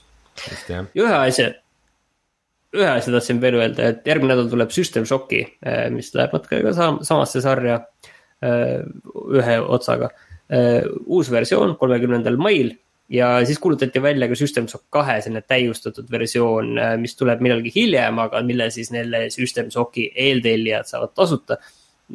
see System Shock kahe täiustatud versioon äh, no tundus lihtsalt, et mõned moodid on peale pandud sellele originaalile, et ta ei, ei olnud nagu eriti midagi sellist, et äh, midagi väga teistmoodi oleks. vot. kavatsed mängida? Äh, System Shocki kindlasti jah, mul on see juba eeltellitud. okei okay.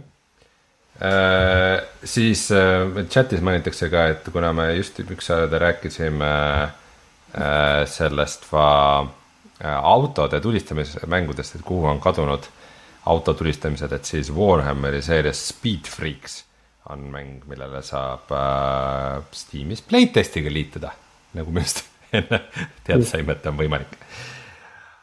Aga kui uudised on räägitud, siis äh, vaatame, mis oli kümme aastat tagasi uudist. retro äh, sul, sul nüüd ei ole seda dokumenti ees, on ju? Mm. üritan saada seda ette, aga ei saa, mis toimub? Pean, pean password'i hakkama trükkima praegu selleks. nii et äh, tee ma... mulle kiire kokkuvõte, mis kümme aastat tagasi toimus ma...? Kümme aastat tagasi ähm, ausalt öeldes ei olnud nagu midagi huvitavat. Metal Gear Rising Revengeance tuli arvutile ja.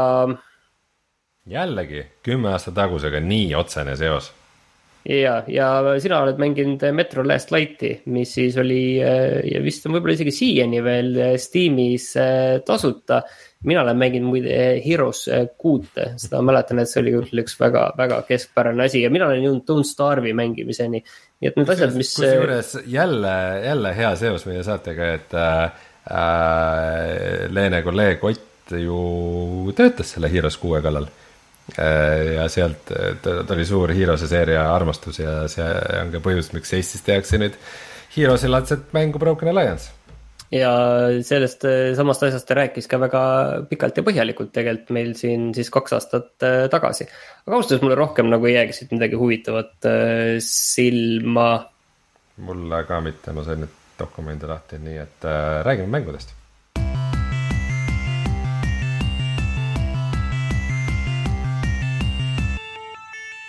äh,. Martin, sa said läbi äh, Resident Evil nelja, aga võib-olla alustame kõige värskemast asjast. meie kui keskealised mängurid, kes mäletavad vanu häid aegu. me oleme selline hea maksev turunišš, et äh, boomer shooter'id on meie teema. Räägi meile Bolt Gunist see on siis Warhammer nelikümmend tuhat Boltgun. ma tegelikult olen teinud seal läbi kolme, et lihtsalt anda nagu natukene ka seda konteksti, siis kolm esimest taset läbi teinud ja. ja see üksik osa peaks olema tegelikult oma mingi kümme tundi. ja see maksab äh, kakskümmend eurot. Äh, ma ostsin Steamist, aga, aga ma ei tea, kas see on ka mujal kuskil väljas.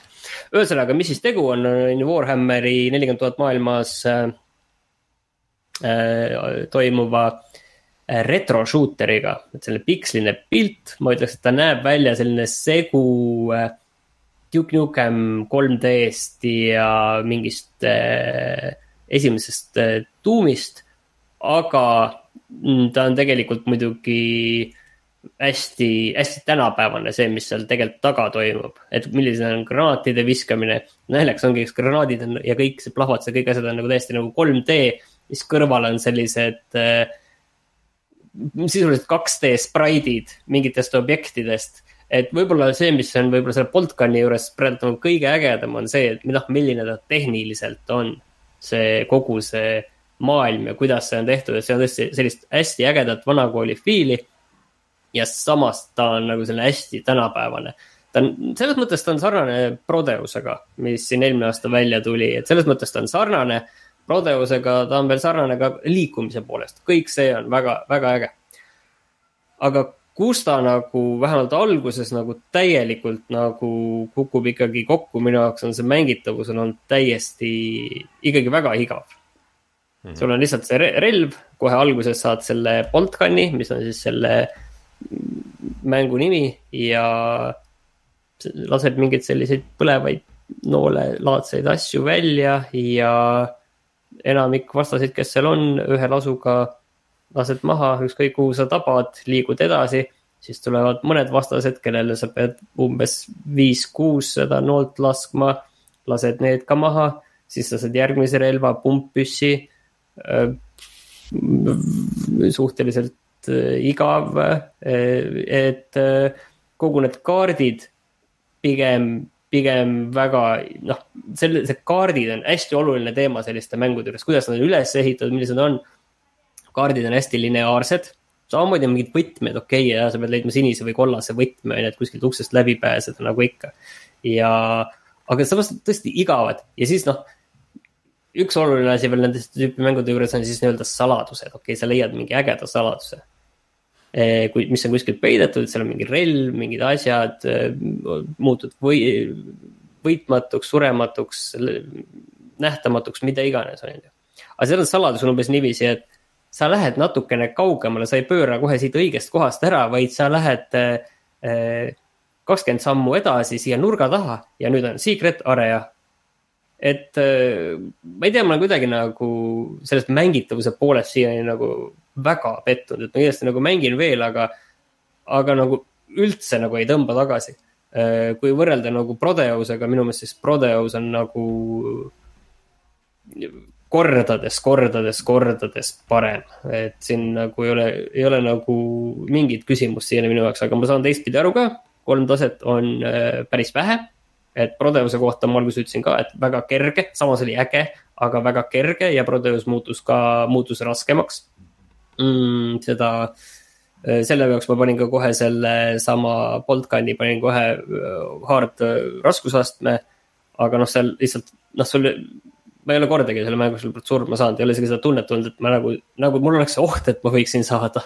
et mm. selles mõttes, ma ei ole isegi kuskilt alla kukkunud, et hüpata sealt kaugele ja, ja kenasti ja, ja noh, liikumine on täitsa äge, aga, aga noh, vaata, kui sul ei ole tunnet, see kolme osa jooksul, sul isegi tekib tunnet, et sa võiksid nagu surma saada seal, siis mm. noh, tuumis sul on kohe algusest peale tunne, et kohe võib pekki minna täitsa ja kohe saad surma, kõik on läbi, jah, jah. väga lihtsalt surma saada kohe alguses. aga, aga kolm taset lihtsalt nagu suhteliselt suvaliselt tulistada ja sinuga ei juhtu midagi, et see hardiga kohe, et. et see ei ole nagu hea algus, et lihtsalt ei ole mingit pinget aga üks kriitika, mis ma olen kuulnud ka Boltkani kohta, on see, et see, see algusrelv, mis andis ka mängule nime, et on natuke liiga võimas et need teised relvad ei suuda päris konkureerida, et põhimõtteliselt võite. seal on vist see asi, et äh, ja ma olen ka seda kuulnud ja, ja noh, alguses see niiviisi ongi, et ega mul ongi kolm relva, mul on mingi. Chain Sword, mis on ka nii-öelda see lähivõitlusrelv, et see tegelikult kolm relva praegu oligi.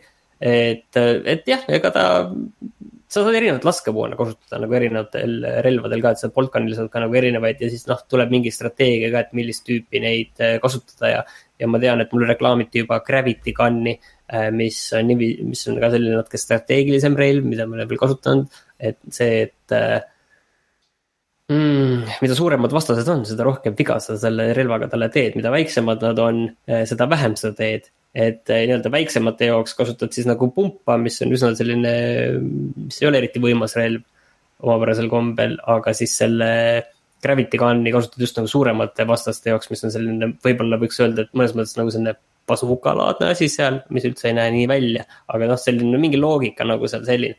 aga ühesõnaga, eks ma mängin edasi praegu, aga tehniliselt hästi äge, aga kahjuks nagu mängitavuselt siin nagu, nagu üldse mitte. ma olin nagu, ma olin nagu täiesti, täiesti pettunud selle koha pealt okay., vot. kas äh, värskesse kulda siis ei lähe? ei lähe praegu. okei okay. äh, räägi siis oma üldkokkuvõte Resident Evil neljast. no tegelikult, milles see, mis siin nagu see oli, oli see, et äh, Raineril meelest oli viimane neljandik täitsa okei okay, mingil põhjusel. ja Rein siis ütles, et see viimane neljandik ei olnud äh, üldse okei okay, või noh, kolmandik selles mõttes, et kolmandik. kolm maailma, et sul on nagu küla, loss ja siis äh,. loss oli kõige pikem ikka, loss oli kõige pikem ikka tegelikult. aga okei okay,, see kolmas ja, osa. esimene osa oli ka päris pikk nii, ja siis ma tahaksin nüüd siia öelda, et äh, no minu meelest see kolmas äh, osa oli okei okay.. et see et ma pean siin. täpselt vahepeal, jah? ei, ei, ta oli, ta oli selles mõttes, et äh, ütleme niiviisi, et ta ei tundunud, ta oli hästi lühike tegelikult, ta oli tegelikult hästi lühike ja, ja ta seda tunnet nüüd ka ei olnud, et ta nüüd saaks nagu, et toimub selline venitamine. tal on see nii-öelda Resident Evil'i äh, laboratooriumi leveli selline sündroom on tal juures, on ju, et äh, mõnes mõttes nagu, nagu esimeses Resident Evilis sa jõuad sinna laboratooriumisse kõige sügavamale, siis sul on selline tunne, et äh, noh, see mäng on nagu kuidagi, midagi on nii, nii palju muutunud, et, et kas see on, on nagu see mäng ja kuidagi, et kuidagi oleks vaja nagu otsad kokku tõmmata, nii et see nüüd nagu ägedalt lõpeks ja et tal natuke nagu on see mure. ja kindlasti see lugu nüüd ei lõppenud nagu mingi sellise, kuidagi nagu mega ägedalt, et noh, ma arvaks, et üsna keskpäraselt lõppes. aga seda nüüd, et see viimane kolmandik nagu oleks selline venitamine, seda ei olnud, pigem hoolimata sellest, et mul selle läbitegemine võttis kaua aega, siis ma päriselt äh, mängisin seda siiski suhteliselt vähe ja see läks suhteliselt ruttu tegelikult kõik see et äh, kokkuvõttes kogu see mäng alguses ma ei olnud eriti vaimustuses, lõpuks oli pigem nagu täitsa jah. on, äh, vot, vot selline arvamus. selge äh,, aga sinu äh, mängudest, mis sina oled varem mänginud ja nüüd mina mängin äh,. ma siis hakkasin lõpuks mängima God of War Ragnaroki ja olin mingi peale Resident Evil nelja nagu mingi aeg võbelesin lihtsalt mingite erinevate mängude vahel, mängisin natuke seda, natuke teist. aga lõpuks mõtlesin, no kurat, ega kui mul Playstation viis majas on, ega mul nagu valikut ei ole, tuleb, tuleb mängida. ja, sina tegid selle läbi, eks? Ei teinud, ei teinud, pooleli veel, pooleli on veel jah, natuke, natuke on vaja veel minna. okei okay,, see on mulle uus info uh,. God of War Ragnarök siis, tuletame meelde, jätkab lugu uh, vananevast üksikisast, kes uh, üritab vaestes oludes oma pojaga kuidagi hakkama saada peale ema surma. Äh, ja siis, kui esimeses osas nende, nende suhe siis veidikene paranes, siis teises läheb nagu sealt edasi, et poiss on nüüd teismeline. Äh, nad on koera võtnud ja isa oskab ka nüüd juba natukene lugeda. Ähm, ja siis äh, nad otsustavad minna reisile äh, soojale maale sa väga huvitavalt võtad seda kõike kokku, aga äh, aga kaugel, kaugel sa oled? minu esimene emotsioon on tegelikult äh, see, et äh, God of War see eelmine siis on minu meelest fenomenaalselt hea mäng, nagu tõesti pean seda üheks viimase kümne aasta üheks, üheks paremikku kuuluvaks mänguks. Just eelmine aasta mängisin ta siis arvuti peal lõpuni ka ja God of War Ragnarok on väga hästi tehtud, aga mitte nii hea. Äh, et nagu igas asjas kuidagi. kus sa oled seal? ei toimi, ei toimi nagu nii hästi, kaameranurgad ei ole nii õiged, nagu story ei ole nii hea, keskkonnad ei ole nii huvitavad. ma olen praegu Haljate kuningriigis. ehk siis äh, Alfheimi läksin mm -hmm. Uuesti, sest et, äh, sest et siiamaani see mäng nagu, okei okay,, sa käisid alguses Päkapikkude kuningriigis, seal polnud varem käinud, aga, aga natukene liiga palju nagu tehakse samu asju uuesti ja natukene liiga palju nagu. see, see koht oli jah, väga sarnane tegelikult sellele, et mis sa tegelikult esimeses osas tegid, jah, ma olen nagu nõus äh, sellega ja siis Hallite kuningriigis on see, oo, vaata, see koht oli ju enne teistmoodi kui siis, kui me siin eelmine kord käisime. Ja mäletate seda ühte ägedat nüanssi, mis meil oli eelmine kord sellest, räägime nüüd sellest hästi palju. et see toimis esimeses mängus väga hästi, sellepärast et see oli niisugune korraks sihuke ahaa-moment, aga nüüd me arutame seda kogu aeg ja lihtsalt korrutame seda edasi-tagasi, et kas see ikka oli nii või oli nii, aga ega me keegi ei teagi. Et äh, kuidagi algusest peale mulle tundub, et God of War Ragnarokis seda nagu õiget pinget ei ole, et äh, tõesti ongi veits sihuke tunne, et äh, tüübid lihtsalt chill ivad või kuidagi lähevad avastama ka nagu lihtsalt sellepärast, et võiks, et äh, terve esimene osa ehitati üles siis äh, Odinit ja Thori. et need on nagu kaks paha selles maailmas ja sa kohe nagu kuuled nende kohta, aga kordagi neid kumbagi ei näinudki mängus ja nüüd Ragnaröki alguses nad tulevad sulle kohe külla. hoolimata sellest, et sa tapsid Thori pojad ära ja neid seal muid hõimlasi, siis nad ütlevad, et kuule, aga tegelikult on chill, teeme, teeme nagu rahu, oleme sõbrad.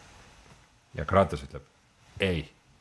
ja siis nad võitlevad niisama veidi ja siis nad lähevad ära, siis need ei ole enam. ja, ja siis on vaja minna rändama, kuna tuli igavene talv, siis soojale maale esimese asjana, aga et äh, kuidagi nagu mingit head nagu motivatsiooni või mingit ohtu tegelikult ei ole, miks nad neid asju teevad. jah, et kunagi seal pidi see. see on selline tore seiklus natukene, selline, lähme seikleme.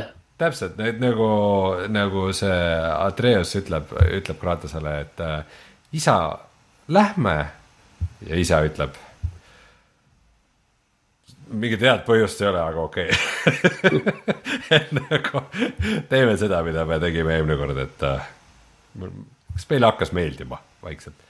et kuidagi mind see ikkagi väga häirib, et nagu sihukest head nagu, nagu pinget või nagu käivitajat kuidagi nagu lool ei ole, et võib-olla on tegu siukse nagu slow burner'iga, ütle sina mulle, et kas ta nagu pärast kuidagi minu meelest läheb küll ikkagi tegelikult, ma arvan, et äh, kui, kui vaata, sa kirjeldasid seda praegu nii hästi niiviisi umbes, et las need jumalad tulevad, siis nad lähevad, äh, väike võitlus, kõik okei okay,, chill. Äh, surnud naine käib, räägib midagi, mis kõik seal on siin natuke siit, natuke sealt, aga nad tegelikult nagu minu meelest nagu noh võib-olla sa maalid nagu natukene liiga, liiga sellise igava pildi sellest, et see kindlasti tegelikult ei ole, et seal kindlasti ma arvan, et äh, mine veel julgelt edasi, et seal läheb kindlasti mm. huvitavamaks ei no selles mõttes mul ei ole lihtsalt, et nagu, nagu selgelt väljendada, et mul ei ole nagu mingit mõtet, et jätaks pooleli. et äh, aga mul on tunne, et see on kõik nagu selline, et ta toimib ainult nii kaua, kui sinna, seda on nagu väga kvaliteetselt tehtud. et nii, kui see nagu ka mingi muu kvaliteet peaks hakkama langema, siis ma oleks nagu, kas ma viitsin. aga aga ikkagi äh,, ikkagi ma noh, mulle meeldib, aga ta ei ole nagu kindlasti samal tasemel kui, kui esimene God of War, mis oli nagu fenomenaalselt hea ähm,. ma mängin siis raske raskusastmega, nii et nagu kohati need võitlused on ikka nagu päris rasked ja ikka peab päris mitu korda katsetama, kui välja tuleb, et selles mõttes selles mõttes on minu jaoks pinge õhus, et see toimib nagu hästi. alguses neid nagu võimeid on isegi suhteliselt vähe või need tulevad ikkagi väga-väga aeglaselt. et mul kummalgi relval näiteks ei ole veel seda nagu äh, heavy kombot siis või nagu asja, et põhimõtteliselt mul on ainult see nagu, nagu light uh, special attack, et nagu heavy, heavy attack'e veel nagu ei olegi, et ikkagi väga näpuotsaga tuleb neid oskuseid ja asju, et praegu on mingis mõttes veel nagu natuke siukses tutorial'i faasis olemine ähm,. üks sektsioon siis oli ka see, kus sa mängisid ainult Atreusena, see oli nagu huvitav üllatus, aga mitte nüüd ka väga. ei olnud tegelikult mängitavuse koha pealt nüüd, et minu meelest ei olnud nagu noh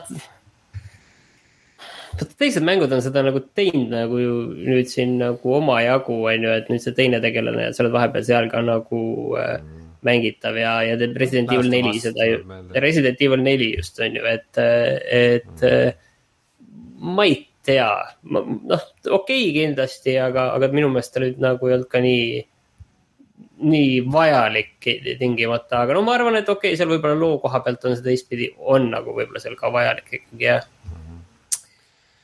jah, Botcharted mulle chat'is ütleb ka, et ma pean edasi mängima ja pooleli jätta, et mul plaani pooleli jätta ei olegi, ma lihtsalt äh, võib-olla, võib-olla olid mu ootused ka ebareaalselt kõrged, aga, aga kui te arvate, et ta nagu ületab esimest osa, siis tunnen, et pigem ta on niisugune nagu suurem ja paksem järg.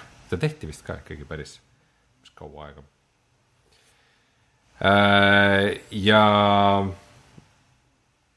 ma mängin seda skill'ist edasi, oota, sa, sa oled väga palju kaugemal, ma saan aru, et. ja, ja ikkagi lõpu, ja, ja see on, see on ikkagi päris pikk, ma olen kindlasti viimases kolmandikus kuskil. Mhm, okei, et ma mingi vahe, kui ma siin otsisin, mida mängida, siis võtsin ligi ka Crysis Remastered'i. mõtlesin, et siin saan teada oma graafikakaardiga natukene nagu vaadata, et mis üldse võimalik on ja tuletada meelde ka vana klassikat ja ei viitsi nagu väga pikalt sellest rääkida, see ei ole väga hea äh, mis põhjustel, kas see mäng ei pea, ei ole nagu äh, ajale hästi vastu pidanud või siis lihtsalt see tehniliselt ei ole hea või lihtsalt ei ole erilist vahet originaaliga? ma arvan, et nagu natukene mõlemat, et nii mänguna kui ka tehniliselt, et nagu sihukest vana mängu remake'i äh, selles ta on ikkagi sihuke ju siis mingi shooter, et, äh, et, et mis, mis ta nagu mäng, mängitavuses saab nii head olla, et seda nüüd ilmtingimata peab uuesti mängima, et, äh, et äh, kuidagi, et ta oleks äge ikkagi siis, kui ta oleks ka nüüd nagu tänapäeval ka kuidagi tehniliselt muljetavaldav. ja ta ei ole, et kohati ma panin nagu kõik setting'ud mingi kõige kõrgema peale, kõige kõrgema setting'u nimi oligi umbes mingi Can it run crisis ja äh, siis umbes, kui muidu nägi okei okay välja, nagu mitte midagi väga erilist, sihuke noh, modernne, aga mitte nüüd nagu mingi vau wow,, siis äh,, siis mingid plahvatused näiteks olid siuksed nagu mingid hägused pallid, umbes nagu nad väga kaua aega tagasi olid ka. et see oli küll sihuke asi, et ma ei viitsi seda küll rohkem käima panna. ma vaatan, et see maksab tegelikult päris palju ikkagi, kolmkümmend, kolmkümmend euro raha küsitakse selle eest. jah, ma mingi seili ajal võtsin ligi, kus ta oli niimoodi poole võrra allahinnatud, aga ma arvan, et nagu üle kümpsi selle eest küll väga ei tasuks äh, maksta.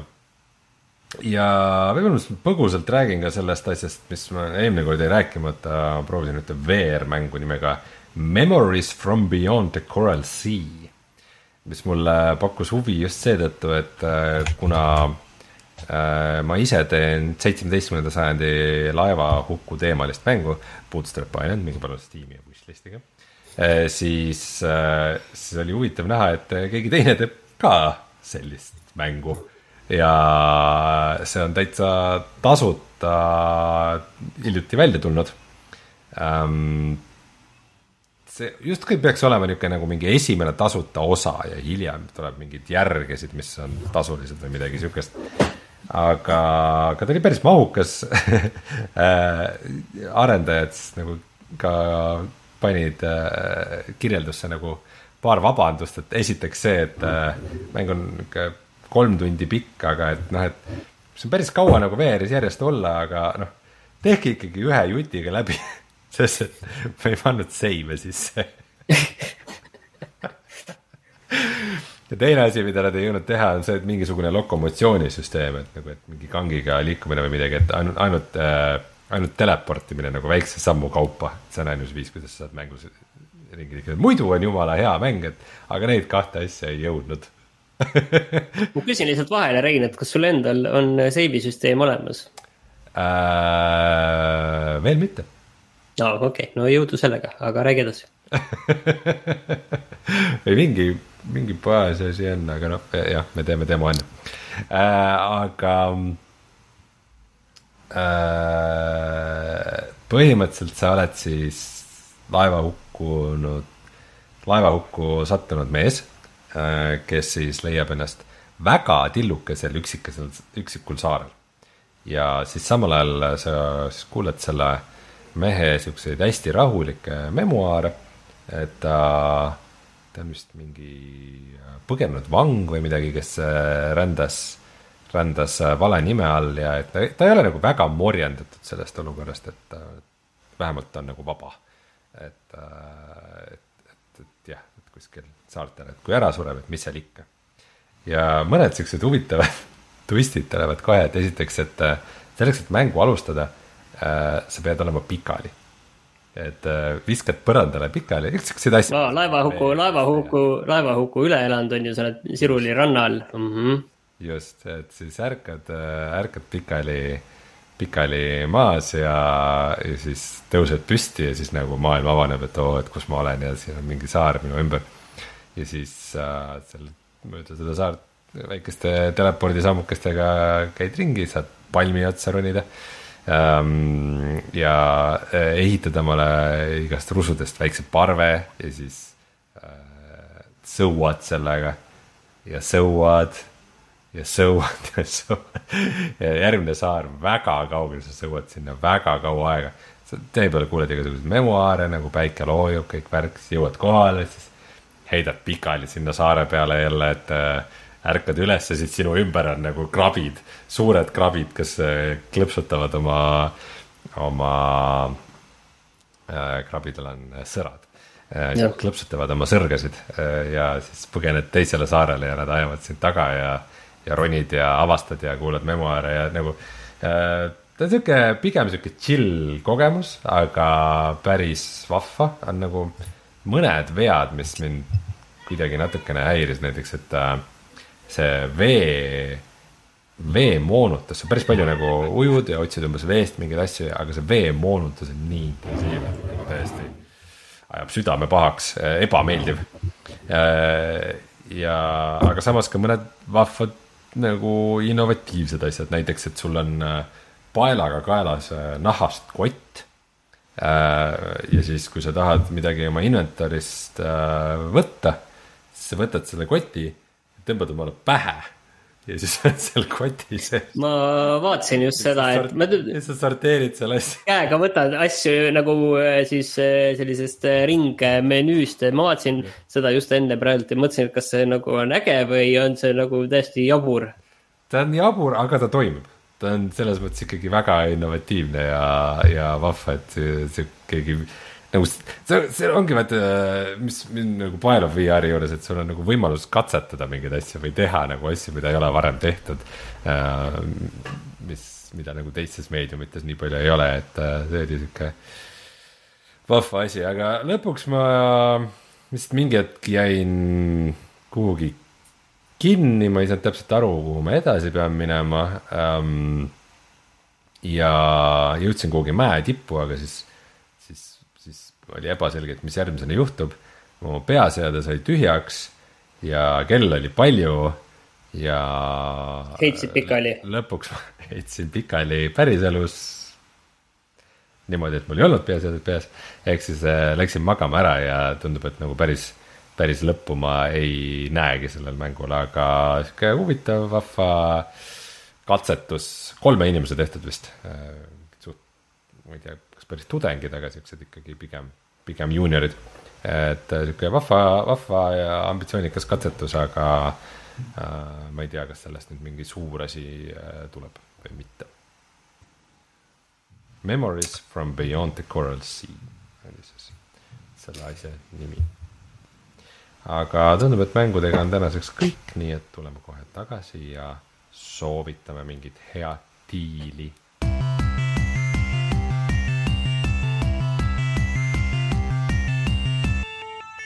hea diil. Rein, sina lugesid sekundeid, et äh, millal Epiku äh, müstiline mäng karbist välja tuleb, et mis see siis äh, on?